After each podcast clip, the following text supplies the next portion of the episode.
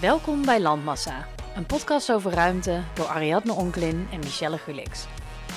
We bespreken met een nieuwsgierige, kritische blik de gebouwde omgeving in al zijn facetten. De zaken die ons opvallen, de personen en organisaties die het vormgeven en de mensen die het beleven.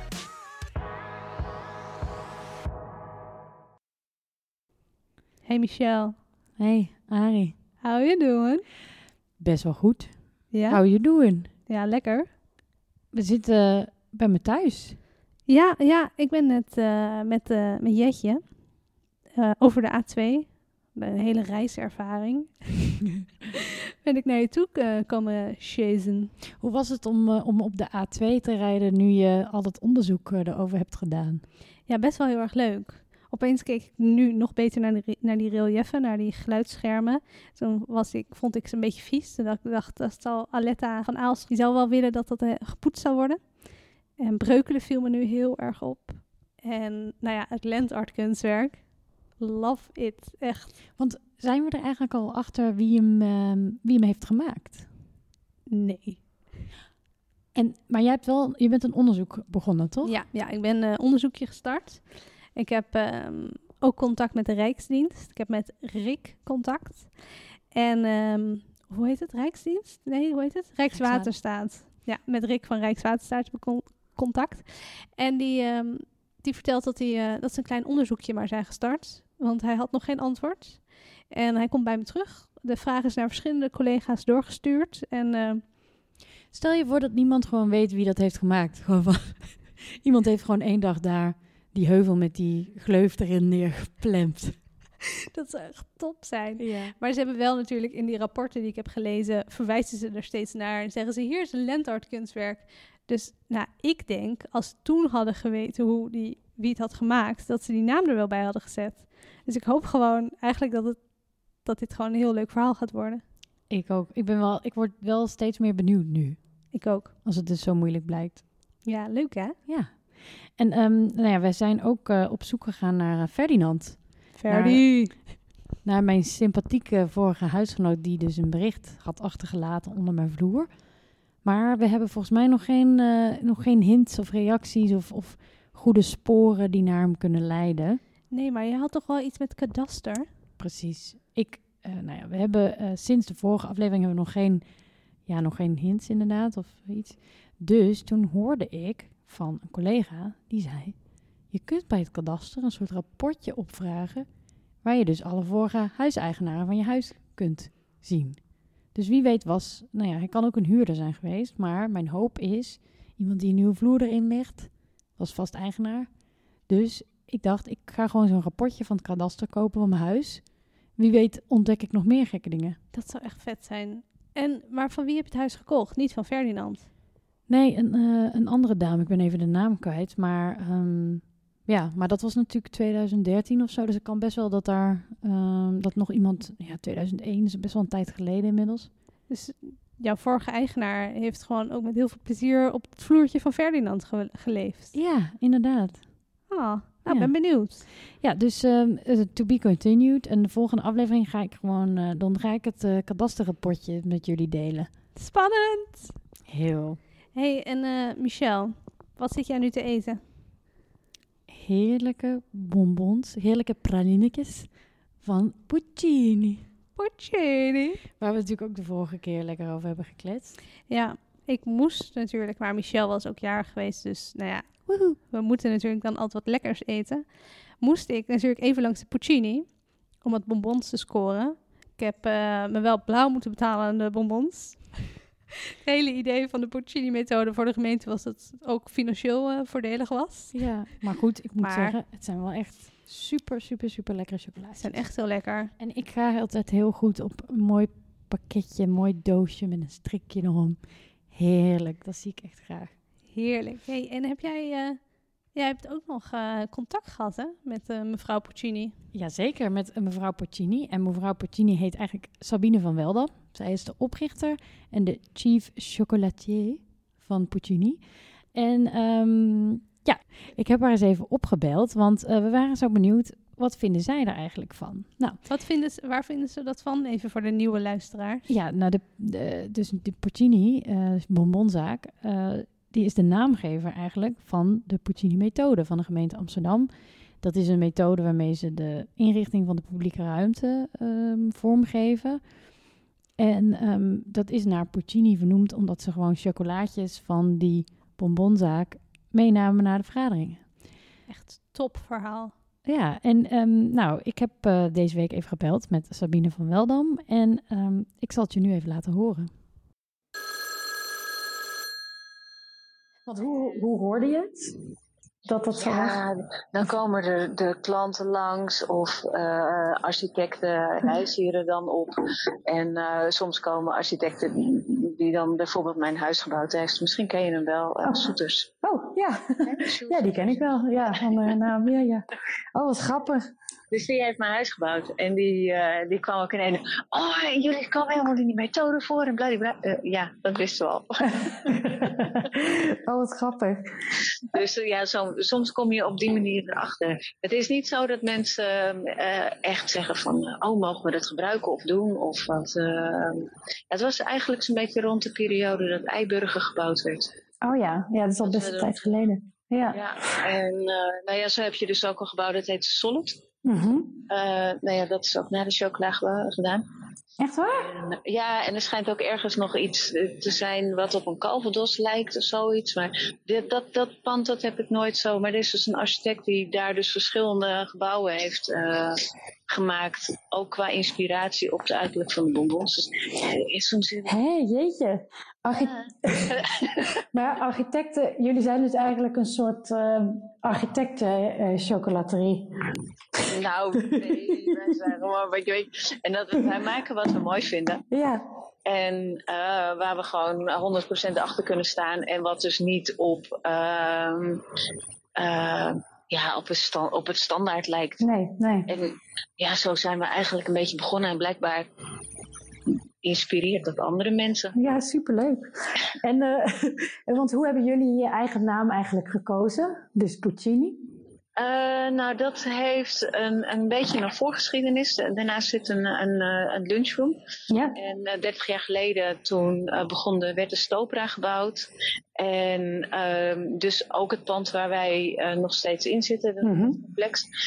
Ja, hoe laat je een lunchroom 30 jaar geleden niet als een ordinaire koffieshop klinken? Ja. En, en hoe ga je het noemen? Mhm. Nou ja, Link, Stopera, componist. Um, nou ja, Italiaans, dat je toch met, met Ja. en, dus, dus dat is hoe het eigenlijk helemaal ontstaan is. Ja, en, en vind je het ook vind je het leuk dat, dus de, dat de gemeente die naam heeft overgenomen? Ben je een beetje trots op? Ja, natuurlijk is dat heel grappig als ze dat doen, toch? Ja. Wel iets dat je denkt van, oh nou, dat hebben we dan toch wel een beetje bereikt. Ja. Zonder dat we daar de, de, dat dat het doel was, weet je. Ja. Dat, je dat soort dingen teweeg brengt. Maar ja, dat, ja, dus, ja, dat Leuk. gebeurt. en, en hoe vind jij dan, als je kijkt naar hoe Amsterdam dus is vormgegeven vo- uh, volgens die Puccini-methode, um, uh, zie je dan ook een beetje de kwaliteiten terug die jullie in jullie uh, product stoppen? Um, nou, als je bijvoorbeeld naar de stoepranden kijkt en dat soort dingen, het is Mhm. wel een stuk strakker. Ja, hè?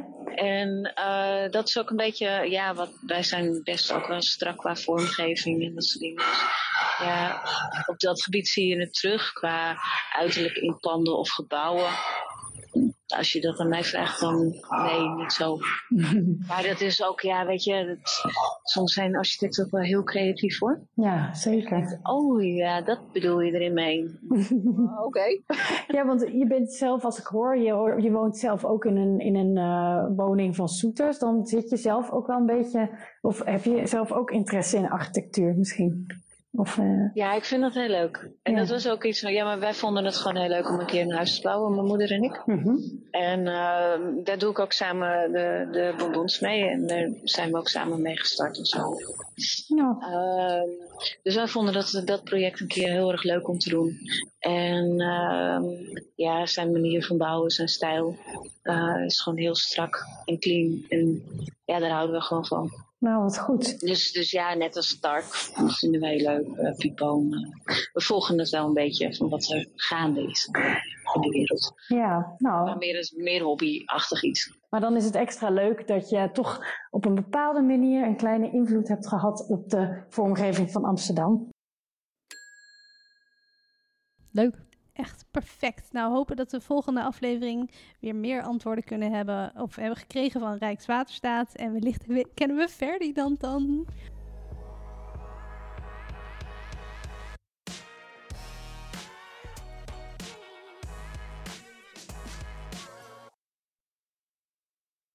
Hey um, Arie, waar gaan we het vandaag over hebben?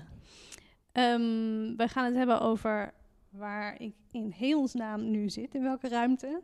En dan uh, babbelen we nog eventjes lekker door over een van mijn favoriete nieuwe onderwerpen. En dat is het fenomeen de volkstuin. En jij hebt ook nog wat voorbereid. En dat is echt, ik kijk hier echt enorm naar uit. Het verhaal van de super supermarkten, de hypermarchés. Hypermarché. Juist. Waarom heeft Frankrijk zulke top gigantische supermarkten waarin we ons altijd willen verdwalen? En waarom is dat niet gewoon hier in Nederland? Waarom kunnen we hier niet die gigantische babybel scoren? Precies. Ik heb er zin in. Let's go.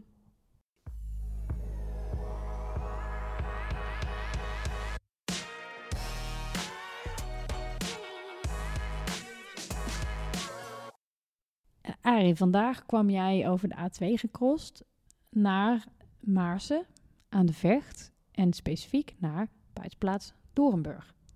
Ja, ik zit hier echt in een super ruimte.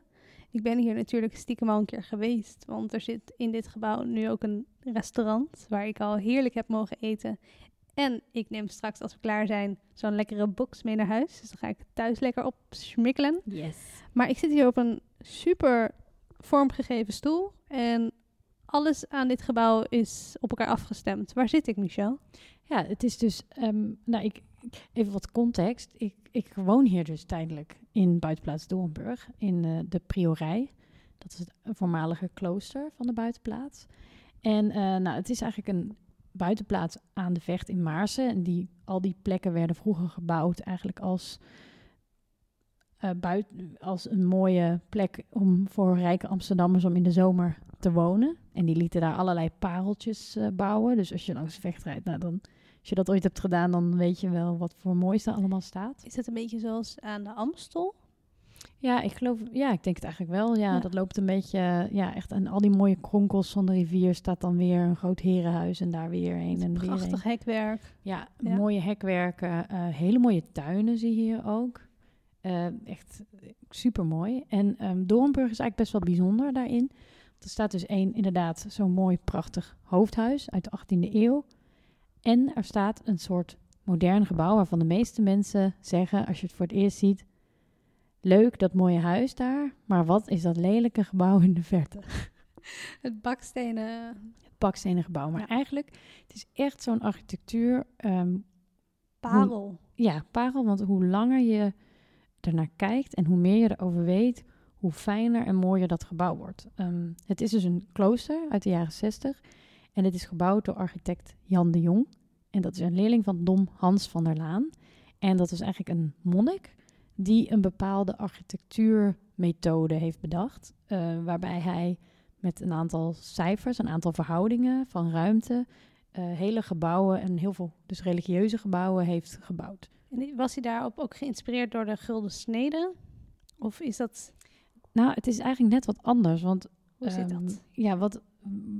Hij gaat eigenlijk, wat een heel belangrijk nummer, cijfer is in, in um, ja, die filosofie eigenlijk van Dom Hans van Laan, is dus dat, uh, is het getal 7. Want als jij naar een ruimte kijkt, een ruimte ervaart en dingen zijn symmetrisch, dan um, kijk je eigenlijk alleen maar. Maar als je een ruimte hebt die, uh, waarbij het uit balans is, net een beetje, dan ga je vergelijken en dan, ga je, dan ga, beginnen je hersens eigenlijk te werken. Word je getriggerd. Ja, en de kleinste verhouding die mensen dus volgens Dom Hans van der Laan echt goed kunnen waarnemen, het grote uh, verschil, is vanaf 3 op 4. Dus samen 7. eh, zie even een, eh, bijvoorbeeld een groot blokje voor je, een blokje hout van 7 centimeter. En je, je trekt een lijntje naar 3 centimeter. Dan heb je die verhouding, eh, kun je hier overal in het gebouw vinden. En de verhouding 1 op 7. Dus eigenlijk het getal 7 is een soort basis. Die klinkt echt heel ingewikkeld. Het Maar- is best wel ingewikkeld, maar het ziet er echt best wel spectaculair uit. En wat een collega van mij ook zei, is trouwens de eh, verhouding van 3 tot, staat tot 4 is de verhouding van je gezicht. En eh, de verhouding van 1 staat tot 7 is je hoofd ten opzichte van je lichaam. Vet. Dit vind ik wel een vet, vet feitje. En eigenlijk is ehm, de, die hele filosofie is dus een eh, soort blokkendoos waarmee je kunt spelen. Dus al die verhoudingen kun je met, als je daarmee gaat, gaat denken en gaat bouwen en ruimtes gaat creëren, dan kun je dus een gebouw opbouwen. En zo is ook dit gebouw ontstaan. Ja, het is echt heel erg mooi. Maar ik vind het ook, het is echt een gezamtkunstwerk. Zeker weten. Want zelfs de tafels en deze stoelen, alles is in die verhouding, of niet? Ja, zeker. Is allemaal in die verhoudingen eh, en is ook voor het gebouw gemaakt. En bijvoorbeeld er was ook in die hele stroming, ik ben even zijn naam kwijt, maar er was ook een kleurenspecialist. Dus de kleuren die je ziet zijn ook eh, heel herkenbaar, een soort grijs, groenig. En het zijn gewoon een aantal tinten die je dan overal terugziet. Dus een gebouw in deze stroming, dus die ontwikkeld is door Dom Hans van der Laan, dat noem je de Bossenschool.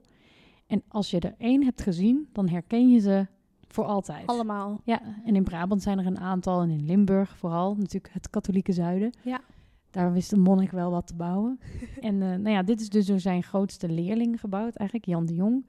En dit geloof ik echt een van de eerste gebouwen waar die theorie, zoals die, ja, dat plastische getal heet dat dan, dat is dat Ja. ja. in de Bosse school, dat dat echt zo is toegepast en zo consequent en, en op zo'n mooie manier. ja, en het is heel bijzonder, want het is ook een rijksmonument. Ja, En dat terwijl het in de post-65-periode valt. En het Rijk in die periode eigenlijk nog geen rijksmonumenten aanwijst. Dus Nee. het is wel echt... Ja, en ik vind het vooral heel leuk als je hier dat terrein oprijdt. Dat je rechts heb je dat echt zo dat oude woonhuis. En je kijkt links en je denkt, wow, wat is dit? Ik wil, ik wil dit... Ik wil hierin en ik wil dit zien. Echt heel leuk. Ja, en, ja, wij wonen hier dus tijdelijk omdat we natuurlijk ons huis aan het verbouwen zijn, nog steeds. En ehm, ik, ik werk dus voor nou, ja, eh, een organisatie, dat heet Meijer Bergman Erfgoedgroep. En ehm, die, eh, dat is eigenlijk de eigenaar van dit gebouw. En die werken er nu aan, of wij werken nu aan de transformatie hiervan tot buitenplaats voor kunst en wetenschap. Echt heel vet. En ook heel knap als je zo'n gebouw weet te transformeren. Ja, en het is ook echt moeilijk, want ehm, je, dit gebouw is ook vormgegeven echt als klooster. En je ziet dus heel erg, het is heel erg op eh, in zichzelf gekeerd. Dus het, is ook, het, het voelt niet heel erg uit, uitnodigend of open. Dus je moet er best wel wat. Het is best ingewikkeld om dit eh, tot een soort pub- een gebouw met publieksfunctie te maken. Ja. Het is echt eh, best wel een uitdaging, maar dat maakt het ook wel weer heel erg leuk. Ja, En ik ben dus tijdelijk hier als oppas, woon ik hier. echt heel erg nice. Heel leuk. En ik ben blij dat ik hier op bezoek mag komen. Ik vind het ook fijn. Echt leuk. Gezellig Ja, en- weer op anderhalve meter afstand. Nou, en ik, volgens mij zei ik het net ook al tegen je, van eh, hoe langer je hier zit, zeg maar, omdat, omdat, ik denk dus dat het best wel met die architectuur te maken heeft ook, dat het zo rustig en sober is, dat mijn hersen, zeg maar, ik begin een soort heel relaxed. Je was heel en zen. heel zen word je Toen kwam ik als Amsterdamse stuiter wel binnen. En toen was het wel eventjes zo van, oké, even chillen, Harry. Ja, het is echt maf, want het, het is echt, eh, je wordt hier heel rustig of zo van. Ja, maar je hebt gewoon weinig prikkels. Ja, dat is het. En dat heeft dus duidelijk met de vormgeving en de kleuren, kleuren te Ja, maken. dat denk ik ook, want, ehm, nou ja, ja. Ja, ik wil hier ook wel wonen. Ik eh, ga het eh, aankaarten. Wie weet eh, kunnen we wat voor je regelen. Super. Een paar vierkante meters. Ja. Ik koop het graag. Nou, binnenkort, want het, het idee is dus wel om hier in de toekomst ook een soort ja, logiesfunctie of hotelachtige functie te maken. En het restaurant is er natuurlijk. Dus op zich blijft het wel, ehm, ja, volgens mij kun je er in de toekomst wel komen logeren. Love it. Maar ik heb het over kopen, hè? Kopen. Oh, Voor, voor een ruimte hier zou ik wellicht Amsterdam zelfs verlaten. ik kan het me helemaal voorstellen. Heerlijk.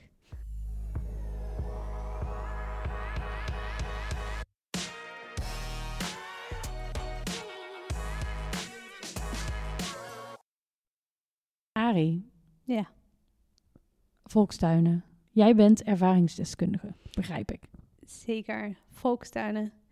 Ehm, ik vind het heel grappig. Heel veel vrienden om mij heen die hebben zich ingeschreven bij Volkstuincomplex en denken dat ze een soort van pareltje hebben ontdekt en vertellen dan helemaal enthousiast: Oh my god, weet je het concept volkstuinen? Ik heb me ingeschreven, bla bla bla.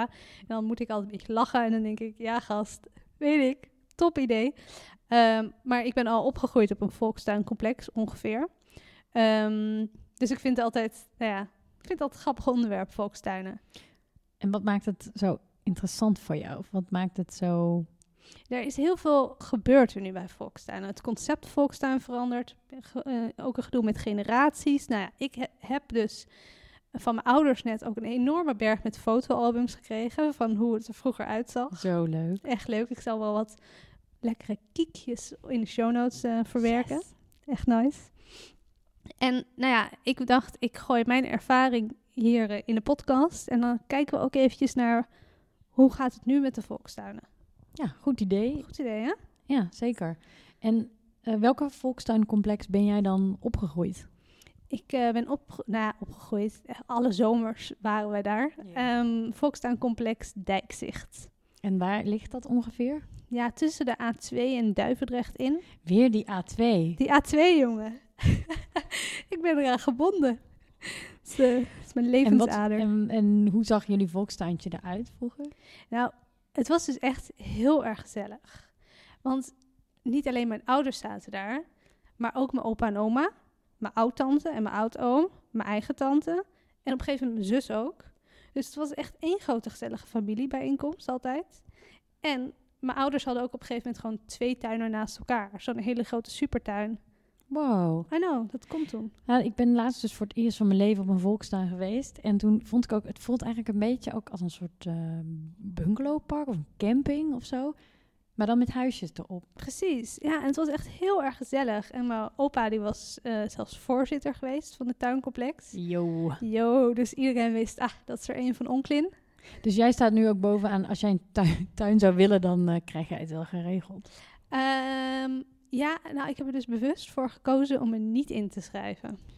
Ik ben heel benieuwd. Want ik ken zoveel mensen die heel graag een volkstuin willen en die op de lijst staan. Dus Ja, zeker. Ja. Nee, ik wilde het dus echt niet. Hoewel, ze maar zeggen, ik heb echt de beste tijd van mijn leven gehad op die volkstuinen. Altijd waren we een soort van aan het spelen op het speelveld. Er was bingo, er was paaseieren zoeken. Het was echt fantastisch. En alle familie zat er, dus het was nou, hartstikke gezellig. Maar ja, ik heb dus echt... Ik wil het echt niet. Want je moet je volkstuinhuisje bijhouden, opknappen. Het is allemaal hout, dus dat rot allemaal. Dus je, moet altijd dat, je bent altijd bezig met het huisje en de vloer die inzakt en dat soort dingen. Daarnaast moet je je tuin bijhouden. En dat is echt vet veel werk. ja, dat geloof ik wel. Ja, want ik weet nog wel, als ze dan daar niet waren en het was warm, dan moest mijn vader op zijn fietsje naar de tuin om, al, om de hele tuin water te geven, want anders al je planten doodgaan. Ja, en hoe doe je dat bijvoorbeeld als je op vakantie gaat of zo? Dus als je een paar weken, dan moet je iemand vragen om... Om jouw tuin water te geven. Nou ja. En dus- het zit natuurlijk niet aan je huis vast. Nee, dus je moet er eerst nog naartoe. Dat is een soort van drempel. Daarnaast eh, hou je je heg of je pad niet bij. Dan krijg je dus gewoon een boete, want er is tuincontrole. Echt? Ja, het moet er gewoon goed uitzien. En doe je en dat niet? Is dat een soort commissie of zo? Ja, Wow. en die komen dan langs. En ik weet nog wel, mijn zus die had toen ehm de pad niet goed geschoffeld. En toen had heel lief een buurvrouw even gauw haar pad geschoffeld... zodat ze geen bekeuring ging krijgen, geen boete. Wow. Ik vind het best intens. Heftig, hè? Ja. En- maar Ja. Het meest heftige vind ik toch echt het gemeenschappelijk werk. Oké, en wat, wat houdt dat in? En Ja, wanneer moet je dat dan doen? het is echt, onderschat dit niet. Je moet dus, ik geloof iets van acht keer per jaar, moet je gemeenschappelijk werken. Dus dan moet je zondagochtend, zondagochtend of zaterdagochtend, moet je met je brakke kop, moet je naar dat tuincomplex, moet je je melden bij de zondagochtendploeg. En dan moet je dus of de paden schoffelen, kantjes steken, iets met de composthoop doen, hekwerk vlechten. En dat doe je dan twee uur lang. En ja, ik vind dat gewoon best wel veel werk. en het is ook, zeggen, je hebt de mannen, dat is ook heel raar. De mannen mogen ze maar zeggen met kettingzagen en op de tractor. En, al, en als Alle vrouw, coole dingen. alle coole dingen. En als vrouw moest ik altijd een beetje zo schoffelen. Zo, tu, tu, tu. Echt? Ja, Ah. I know. En ik lijk, ja, het is ook, weet je, je eigen tuin bijhouden is best wel al een klus. Maar als je dan ook nog gemeenschappelijke ge- gebiedjes en zo moet bijhouden. Precies, het is wel, zullen we maar zeggen... Maar heeft je zus nog een volkstuin? Nee, die heeft hem Ook ook verkocht. Uiteindelijk is iedereen ermee gestopt. Allemaal om andere redenen hoor. Maar Want wat, oké, wat kost een volkstuin eigenlijk? Per ehm, jaar of zo? Of? Ik weet niet precies de bedragen, maar je koopt het huisje en je koopt de tuin. En dan bedoel ik de planten. Want zit, elke plant heeft een Oh ja. bepaalde waarde. Oké. Dus je koopt dat dan. En ehm, je betaalt ook nog elk jaar contributie en je huurt, denk ik, de grond. Mhm. Dat, ja, ze maar zeggen, ik ben nu heel kritisch, maar het, het is, ze maar zeggen, het is ook wel heel leuk. Maar weet gewoon waar je aan begint. Dat wil ik alleen maar zeggen. En ik, wil, ik weet gewoon wat het inhoudt. En je hebt er heel veel plezier van. En het is ook echt een groene oase. Ehm, maar ja, niet voor mij. Ja, ik denk dat het ook best wel uitmaakt hoe ver je ervan af woont. Want ik kan me voorstellen, kijk, een tuin is lekker omdat je er even snel even, even naartoe fietst of zo. Maar als het echt ver, weg is of net buiten de stad, dan is het... Ik weet niet, dan ga je er misschien als je druk hebt of zo, ga je daar even niet heen. En dan inderdaad hangen al je plantjes slap te wezen en niet... Precies. En dan kun je ook nog boete krijgen. Precies. Ja, je moet het echt onderhouden.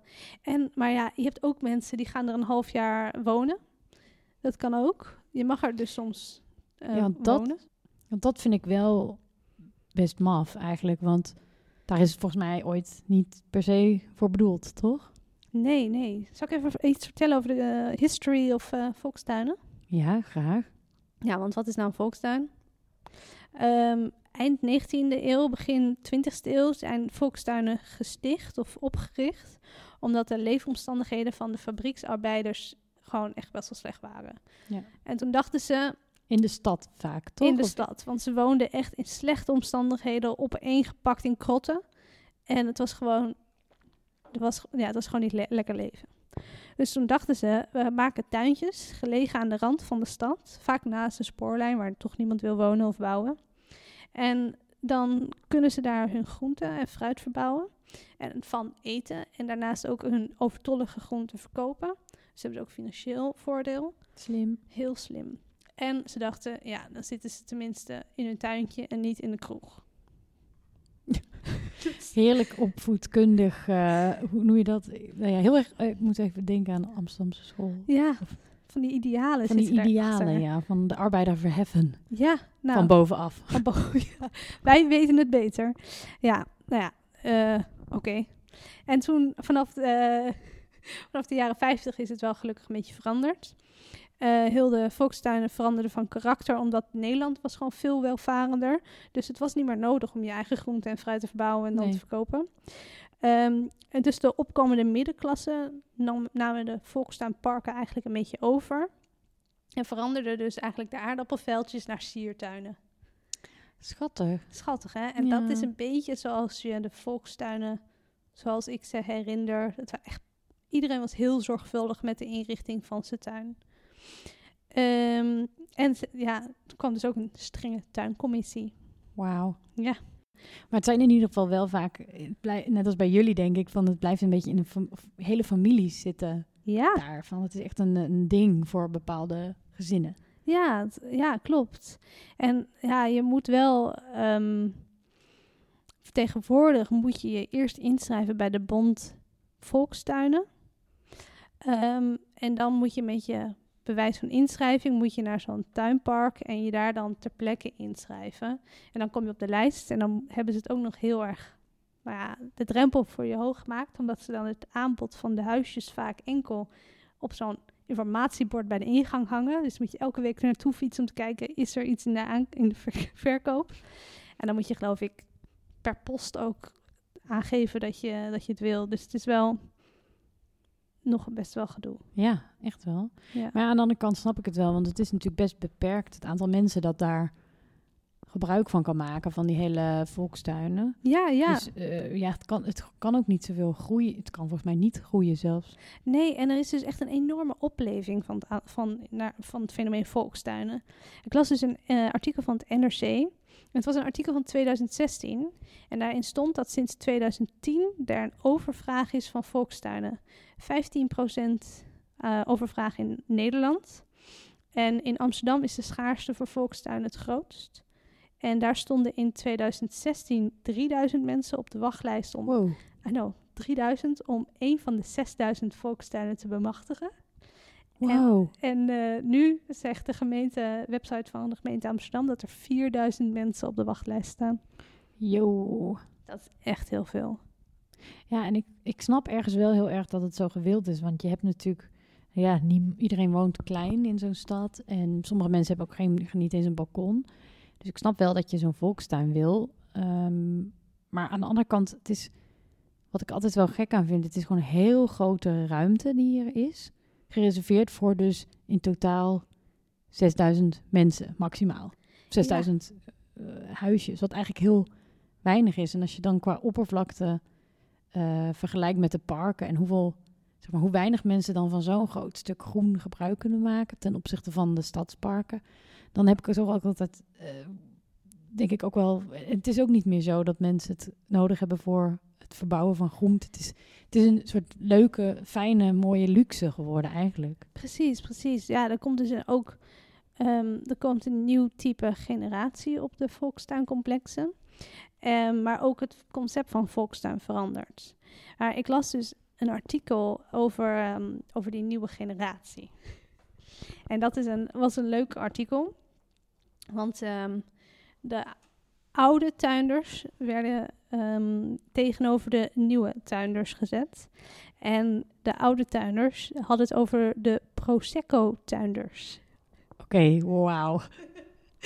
Ja, die, uh, die dus eigenlijk inzetten op maximaal rust vinden en chillen in plaats van helemaal op het tuinieren. Wat vroeger natuurlijk eigenlijk ook wel gewoon werd gechilled. Dus ik weet niet zo goed. Maar ja, nu drinkt men Prosecco in plaats van uh, bier. een blik bier. ja. Nou ja, ik had dus um, een, qu een, quote, heb ik even gecopy-paste, over Ali en Bertus uh, van tuincomplex Nieuwe Levenskracht. Ja, ze hebben ook altijd hele goede namen. Ze dat moet hele goede namen, ja. Ja, ja. net als haar, um, ja, ja. Nou, Ali zegt, de jonge generatie denkt, het zonnetje schijnt. We gaan lekker zitten en steken de barbecue aan. Maar een tuin onderhouden is heel veel werk. Dan zegt Bertus, 50 jaar geleden zag je alleen maar mensen uit het arbeidersmilieu. Bouwvakkers, havenpersoneel, handwerklieden. En er stond een echt verenigingsleven. Je had toneel en playback. Playback voor de jeugd. Lekker. Lekker. maar in de loop der jaren is alles veranderd. De nieuwe generatie is anders opgeleid en tegen de oudere generatie wordt een beetje gek aangekeken. Dan nog even ter afsluiting Ali. Ze denken dat het makkelijk is, zo van we nemen een tuintje en gaan zitten. Maar zo is het niet. Het moet wel worden bijgehouden. Dan moeten ze twee uur werk per maand doen. Dat vinden sommigen zelfs veel te veel. Maar wij zeggen... Nou, Arie dus. het is een soort gemeenschap. Ze hebben het over jou. I know, ik herkende me hier zo erg in. Je bent gewoon een Prosecco-tuiner. Ik ben echt een Prosecco-tuiner. En gelukkig heb ik nu aan mijn huis een tuin. Dus ik hoef... Nou ja. Ook als ik een balkon had gehad, had ik niet, dit niet gehoeven. Maar ja, precies eigenlijk wat Ali en Bertus zeggen. Die zeggen gewoon... Jongens, dit is echt superveel werk. En ik heb gezien hoeveel werk het is. Um, dus daarom denk ik, ik begin er gewoon niet aan. En ik snap ook wel, als je zoveel werk moet doen, dan wil je dat ook graag doen met mensen die je dan kent. Dus ik kan me wel voorstellen van die mensen die er al jaren zitten en uh, voor wie die volkstuin echt hun, hun sociale leven ook is, dat dan dat tuinieren, samenwerken ook wat minder... Ja, het is echt zo'n vereniging. Het Ja. is gewoon gezellig. Precies. En dan daarna gaan we met elkaar allemaal koffie drinken in de kantine. Huppakee, een paar uur later een bier. en de playback show. En de playback show, ja. En ze zeggen ook, van jarenlang in de klaverjascommissie zitten, wordt het nu projectmatig evenementen organiseren. ja. Ja, nou, ja. Tijd, tijd verandert. Ja, want ik geloof dat de gemeente heeft ook plannen, toch? Om, om de volkstuinen net wat meer open te. Om er iets mee te doen. Want het Ja, het is is, natuurlijk een rare situatie eigenlijk. Dat in zo'n veranderde stad, dat, dat de volkstuinen eigenlijk niet... Ja, op een bepaalde manier dat de mensen die er komen zijn heel erg zijn veranderd. Maar de structuur en hoe het is opgezet is nog jaren, eigenlijk echt jaren 50. Ja, de klaverjascommissie. ja. eh, ja. ja, precies. Een beetje zoals, ja. Dus ehm, het is heel complex, vind ik, voor de gemeente. Want ze hebben inderdaad, er is een super aanloop. Er is een gigantisch tekort aan volkstuinen. En daarnaast is er eigenlijk zo van, we hebben groen nodig voor de stad. Ehm, dus, en de volkstuinen zijn natuurlijk wel een belangrijke plek voor de Amsterdammers, voor degenen die een volkstuin hebben, maar voor heel veel Amsterdammers niet. Dus het is een soort van, wat gaan we doen met het groen wat we hebben in de stad? En moet daar, moeten volkstuinen daar ruimte voor maken? Maar dan, tegelijkertijd haal je dan minder volkstuinen, dan wordt de wachtlijst nog groter. Nou, het concept van de volkstuin gaat wel veranderen. Ja, even een quoteje van uh, wethouder Marike van Doornink, wethouder duurzaamheid. Die zegt: Voor veel gezinnen in Amsterdam is dit het enige groen dat ze kennen en waar ze in een weekend naartoe kunnen. En daarnaast neemt de druk op het openbare ruimte en het groen met de groei van de stad gewoon steeds verder toe. Dus uh, het is een opgave in de bestaande en nieuwe stad voldoende kwalitatief groen te realiseren. Um, dus we dachten, we gaan de boel gewoon veranderen. De volkstuinen mogen voor dus een deel blijven, maar ze moeten toegankelijker zijn. Dus meer tuinpark worden met toegang voor degene die er niet een, een volkstuintje hebben. Ik vind het echt een super, super goede uh, oplossing eigenlijk. Ja, hè? Ja. Ja, ik ook. Want zeker ook als die samenstelling, want het is wel van ja, voor veel gezinnen is het het dat vind ik dan wel gek dat dat zegt van voor veel gezinnen is dit het enige groen. Aan de andere kant, het is dus maar een heel beperkte club eh, gezinnen. Ja. Uh, want voor veel gezinnen maken gebruik van de parken of, uh, of, of, of ander soort groen. Dus eigenlijk, het is een, ja, voor veel gezinnen is het een, ja, voor eigenlijk een heel beperkte groep is het, is het de oplossing. Ja, privé park. Ja, dus ik vind dat het, dat het, ik vind het oké en eigenlijk leuk dat het er nog dat het blijft. Maar ook wel goed dat er inderdaad wat meer mensen gewoon doorheen kunnen lopen, al is het dat. Ja, precies. Want het is ook leuk om doorheen te wandelen. Het is echt heel grappig allemaal. Ja, om over die heg te kijken en te kijken hoe het eruit ziet. Ja, nee, dus daarom gaan ze um, fiets- en wandelroutes toevoegen. Sport- en spelactiviteiten voor de kinderen in de buurt. En ook collectieve moes- en pluktuinen, dat soort dingen. En ja, gewoon samenwerken en gewoon samen tuinieren. In plaats van dat, oh, ik heb een tuintje gekocht, dus het is helemaal van mij. Maar ook gewoon met meerdere mensen tegelijk, collectief. Ja, en wat ik dan eens bedenk, van eigenlijk gaat het dan weer terug naar waar het ook uh, in, nou ja, in de jaren 50, weet je, dat hele verenigingsidee, dat wordt nu gewoon doorgetrokken naar de buurt of naar de stad. Van, het wordt eigenlijk weer een plek waar heel veel soorten mensen samenkomen en niet meer voor een klein clubje, eigenlijk. Dus eigenlijk Precies. klopt het ook wel met je, met het uitgangspunt of zo. Ja. Van die collectiviteit, dat je die daar toch weer terug inbrengt, maar dan op anno 2020. Precies, en dat zal natuurlijk voor de oude generatie, de Ali en de Bertus, ander, ja, anders zijn dan dat ze gewend zijn. En ook voor de Prosecco-tuiners, om ze zo maar te zeggen, anders dan dat ze hadden gedacht. Dus niet meer hun eigen groene kleine oase, maar ook met meerdere mensen. Um, maar ja, de Landelijke Bond van de Tuiners, de AVVN, die ondersteunt tuinparken en die kunnen ook heel goed helpen in conflict. Uh, conflict, hoe heet dat? Conflict? Conflict situatie. ja. Nou, want ik kan me wel voorstellen hoor. Mensen zeggen ja, dat je toch je tuintje met de man en macht gaat beschermen. Ja. Maar ja, top. Ik vind het echt uh, super. Ja. En misschien als dit meer toegankelijk wordt voor iedereen, uh, worden die wachtlijsten minder lang. Omdat iedereen denkt van oké, laat maar, dit is ook top. Ik kan ervan genieten van dit groen. Um, maar wellicht wil iedereen nog steeds zijn eigen tuinhuisje. Ik weet het niet. Hmm. Ik bedenk ineens dat het ook best wel cool zou zijn. Stel je voor op bijvoorbeeld Eiburg of nieuwe eilanden of nieuwe stadsdelen die ze bouwen. Dat bijvoorbeeld elk park een deel soort um, volkstuintjes, misschien zonder de huisjes erop, maar een soort deel moestuinen is voor de buurt. Dat zou ja, best wel cool zijn. Dat is heel leuk. Ja, en dan verbind je elkaar op die plek. Dan heb je gewoon het participatiegedeelte. Precies. En dan kun je ook nog je playbackavond organiseren. Hatse flats.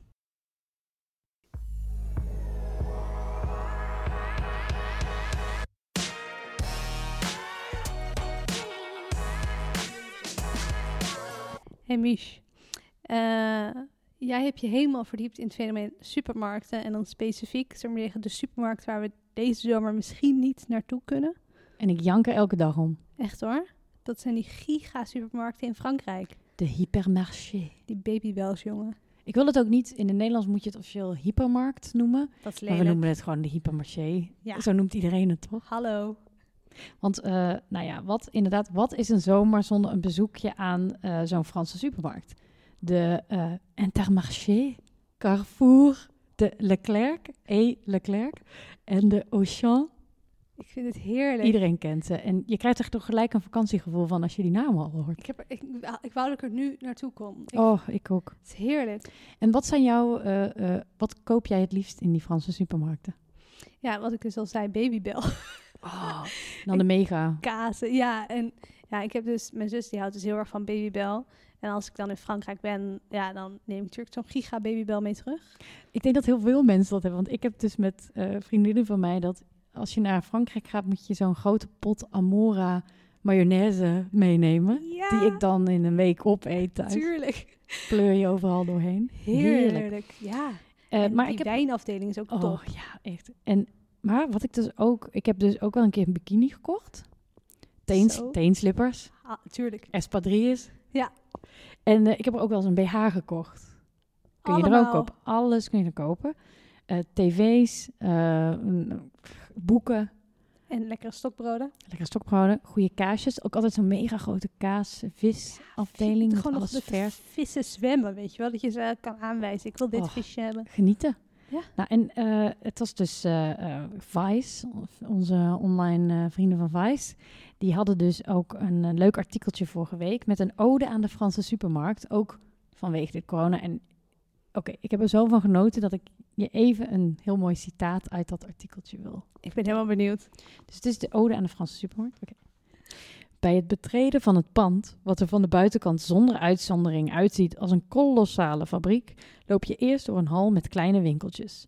Er zijn minimaal twee opticiens, je kunt er een telefoonabonnement afsluiten, parfum kopen, je laten adviseren over een hypo- hypotheek en een krant in minimaal zes talen vinden, nog voor je een stap hebt gezet in de daadwerkelijke supermarkt. Zo, echt wel. Ja. Op het moment dat je die stap dan zet, word je onmiddellijk in je gezicht geslagen door een onmiskenbare hypermarché-geur. Het is een merkwaardige melange van goedkoop plastic, gistend stokbrood en de witte uitslag op gedroogd vlees, met daaroverheen de chloorachtige geur die achterblijft op de plek waar de viskraam altijd staat op het marktplein nadat die schoongespoten is. Overal waar je loopt ruik je de zee. Dit is echt fantastisch. Het is echt een super omschrijving. Echt heel erg goed. Ja. En eh, ja, het- ik, ik vond hem ook heel treffend. En eh, daarom, kijk, iedereen geniet daar toch van. Je bedoelt een Ik- hypermarché bezoeken? Ja, Ja, ik heb dus een vriendin. Als ik daarmee naar zo'n winkel ga, dan eh, zijn we gewoon de hele dag, hele dag kwijt. ja nou, ik, ik kan me helemaal voorstellen. En het is ook zo'n eh, herkenbaar beeld. Zeker, ik denk vanuit Frankrijk. In België heb je er ook een paar, weet ik. Of in Italië, of in andere landen. Amerika. Ame- oh ja, want wacht, wat vertelde jij nou? In Amerika kun je je kan wapens kopen in de supermarkt. Ja, ja, ik was daar met drie vriendinnen. Ik was er met eentje lekker aan het struinen. En opeens stonden we bij de wapens. En toen daarna waren we een half uur kwijt om de andere twee terug te vinden. Bizar. Echt bizar. Maar ik, wat ik me dus afvroeg, ehm, waarom hebben we dat dan niet in Nederland? Als iedereen dat zo heerlijk vindt. Ja, als een soort van uitje. In plaats Ja. dat ze met elkaar allemaal naar de woonboulevard gaan en naar de Ikea. Gewoon hup, naar de hypermarché. Ja, je autootje pakken. Jij hebt je autootje, je pakt je jetje, Huppakee. je stapt in je auto en dan eh, lekker inladen. Maar ja, waar, ik ging, ben er dus even ingedoken waarom we dat dus niet hebben. Wij hebben enkel een Albert Heijn extra large. Precies. Oké, en ik heb dus even, ben even in de, de Nederlandse situatie gedoken. Ja. De gemiddelde winkeloppervlakte van de supermarkt in Nederland is 941 vierkante meter. Is dat veel? 941 Eh, vierkante meter. Nee. Nee. Oké. Want de grootste supermarkt van Nederland is de Jumbo XL in Breda. En die is 6000 vierkante meter. Dus dat is Wow. zes keer zo groot. Dat is een groot. Maar bijvoorbeeld de grootste supermarkt van Frankrijk... in eh, de Carrefour in Villers-en-Bière, onder Parijs... is maar liefst 25.000 vierkante meter groot. Wow. Dus dat is echt een andere... eh, eh, ja, dus dat is Dat is 25, gigantisch. 25 keer jouw Albert Heijn. Dat is echt gigantisch. Dat is gewoon een workout, zou ik maar zeggen, als je gaat boodschappen doen. Ja, op rolschaatsen moet je. Dit is echt... En eh, oké, voor al onze eh, liefhebbers, by the way. eh, ik heb dus een, een website gevonden met de lijst van de grootste hypermarchés van Frankrijk. Uiteraard zet ik die in die show notes, want ik weet dat iedereen daarop zit te wachten. Ja man, en wanneer we eindelijk die grens weer over mogen, gaan we ze alle tien even langs, toch? Zeker weten. Top nou, idee. dus het is echt een, inderdaad een mega groot verschil. Eh, vanaf 2500 vierkante meter supermarkt mag jij jezelf een hypermarché noemen. Ja, En in Nederland hebben we dat niet. Waarom niet? Nou, en maar omdat je je dan hypermarkt moet noemen. ja, ik zou dan inderdaad gewoon... eh, dat moet gewoon een intermarché of zo moet dat dan worden. Ja, precies. Maar het mag niet. Maar ja, en, eh, nou, NRC die had precies dezelfde vraag. Waarom in godsnaam hebben wij dit niet? En er zijn twee problemen, hebben ze aangeduid. Traditie en regelgeving. Oh, Oké. Nou, eerst is de Nederlandse traditie. Nederland is hartstikke dicht bevolkt. Dus ehm, een winkel in, een, ehm, in het centrum van een dorp of een stad heeft al heel snel genoeg mensen om rond te komen. Ja. Om de winst uit te halen. Eh, want in Nederland is de gemiddelde afstand tot een supermarkt is 900 meter. Dus dat is bewandelbaar of befietsbaar. ja. En in Frankrijk is dat natuurlijk niet zo. Dan moet je soms wel Nee joh, moet je met de Ehm, auto. ja, dat is veel meer een autocultuur. En Nederlands, Nederlanders, dat zeggen ze ook, houden gewoon niet zo van die hele massale dingen. Dus hele grote shoppingmalls en zo kennen we hier ook gewoon niet. Dus de. Nederlander blijft graag lekker dicht bij huis in kleinere ruimtes, kleinere winkels. Wat leuk, dat wist ik helemaal niet. Ja, maar we hebben wel het die... makes sense, toch? Als je erover Ja. nadenkt, ja, het is eigenlijk heel logisch. Wat gek is, in Nederland hebben we natuurlijk wel heel veel bedrijventerreinen buiten het centrum. Ja. Waar je inderdaad de IKEA en eh, dat soort zaken en de tuincentrum, Woonexpress, meubels, ik, eh, ja, die vind je. Dus waarom zijn er eigenlijk geen supermarkten? Ja. Want ehm, nou, dat heeft dus te maken met de Nederlandse regelgeving. Want jarenlang heeft de overheid, de Rijksoverheid, die heeft gewoon regels ingesteld dat op die bedrijventerreinen alleen maar eh, ja, eigenlijk zaken mochten komen die echt niet in de supermarkt of die echt niet in het centrum kunnen werken. Dus bijvoorbeeld een groothandel, dat soort zaken. Ehm, En dan specifiek eh, in het, dat het niet in het centrum kan omdat ze het niet kunnen laden en lossen. Of dat het giftige stoffen be- bevat of wat. nou, vooral eh, dat ze de de- detailhandel in het centrum dus wilden beschermen. Dat is wel goed eigenlijk. Ja, want ehm, als jij dus in het centrum, je wil je centrum eigenlijk levendig houden voor kleinere winkels en voor, bijvoorbeeld als ergens een Albert Heijn zit en daarnaast zit een kledingzaak en daar zit een snoepwinkel tegenover en een blokker achter, dan, dan versterken die elkaar, want mensen blijven dan in hetzelfde gebiedje. Maar als je dus één mega supermarkt buiten het centrum, dan gaan mensen daar naartoe met de auto, waardoor je centrum dus eh, Leegloopt. leegloopt. Ja. En dat gebeurt dus in Frankrijk, of is heel erg gebeurd in veel kleine dorpen. Omdat ja, eh, weet je, zo'n één hypermarché, die heeft dus een verzorgingsgebied van nou, kilometers. Ja. Ehm, waardoor dus die dorpjes zelf eigenlijk, dat er geen reden is om daar je winkeltje te vestigen. Want mensen gaan toch wel naar die grote supermarkt. Dus dat was eigenlijk best wel goed in Nederland. En ze deden bijvoorbeeld, een van de regels was dat, dat je gewoon geen voedsel mag verkopen, eh, voedselwinkels op eh, bepaalde bedrijventerreinen. Dat is een daarmee kun je dus voorkomen dat een supermarkt daar komt. Oh. En dan, maar dan heb ik even een vraag. Want we hebben natuurlijk de macro en de Hanos en zo. Ja. En, maar die leveren natuurlijk voor restaurants en Precies. dergelijke. Ja, en eh, nou ja, de overheid is, heeft dat dus jarenlang zo als beleid eh, gevoerd. Maar ehm, eh, sinds, of sinds kort, sinds een paar jaar, mogen dus gemeentes en provincies het allemaal zelf be- bepalen wat ze waar willen. Oh. Maar de meeste hebben er gewoon voor gekozen van nog steeds geen supermarkten daar. En een paar jaar geleden was er dus een heel gedoe in Steenwijk, een dorpje. Want Oh. daar was het plan om een hypermarché te openen. Echt zo'n grote supermarkt. Hadden ze echt eh vergevorderde plannen. Dus er was, er ligt echt, als je het googelt, dat is gewoon een ontwerp en zo voor, voor die hele supermarkt. Oh. Maar het is dus echt nu, eh, na, ondanks dat die plannen dus heel ver waren, is het gewoon afgeketst. Want eh, het is te veel concurrentie voor het centrum. Ach.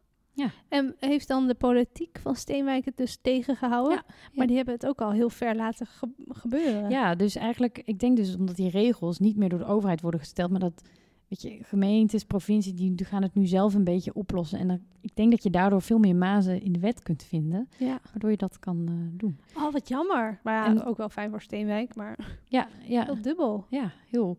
En ehm, ja, het is dus eigenlijk, toen begon ik daarover na te denken, van eigenlijk is het ook best wel positief dus dat wij niet die hypermarchés hebben, want ehm, het is dus veel, die situatie die wij hier hebben, is veel beter voor binnensteden en andere winkeleigenaars. Ehm je hoeft minder met de auto te gaan om Ja. je boodschappen te doen. Dus je gaat veel meer op de fiets of de voet, wat gewoon veel beter, duurzamer is. En ehm, wat je ook merkt, waardoor het in Frankrijk is dus, ehm, die hypermarchés zijn overal echt in zwaar weer. Dus de laatste paar jaar hebben ze alleen maar afname gezien in hun winst en hun Oh, nee. omzet.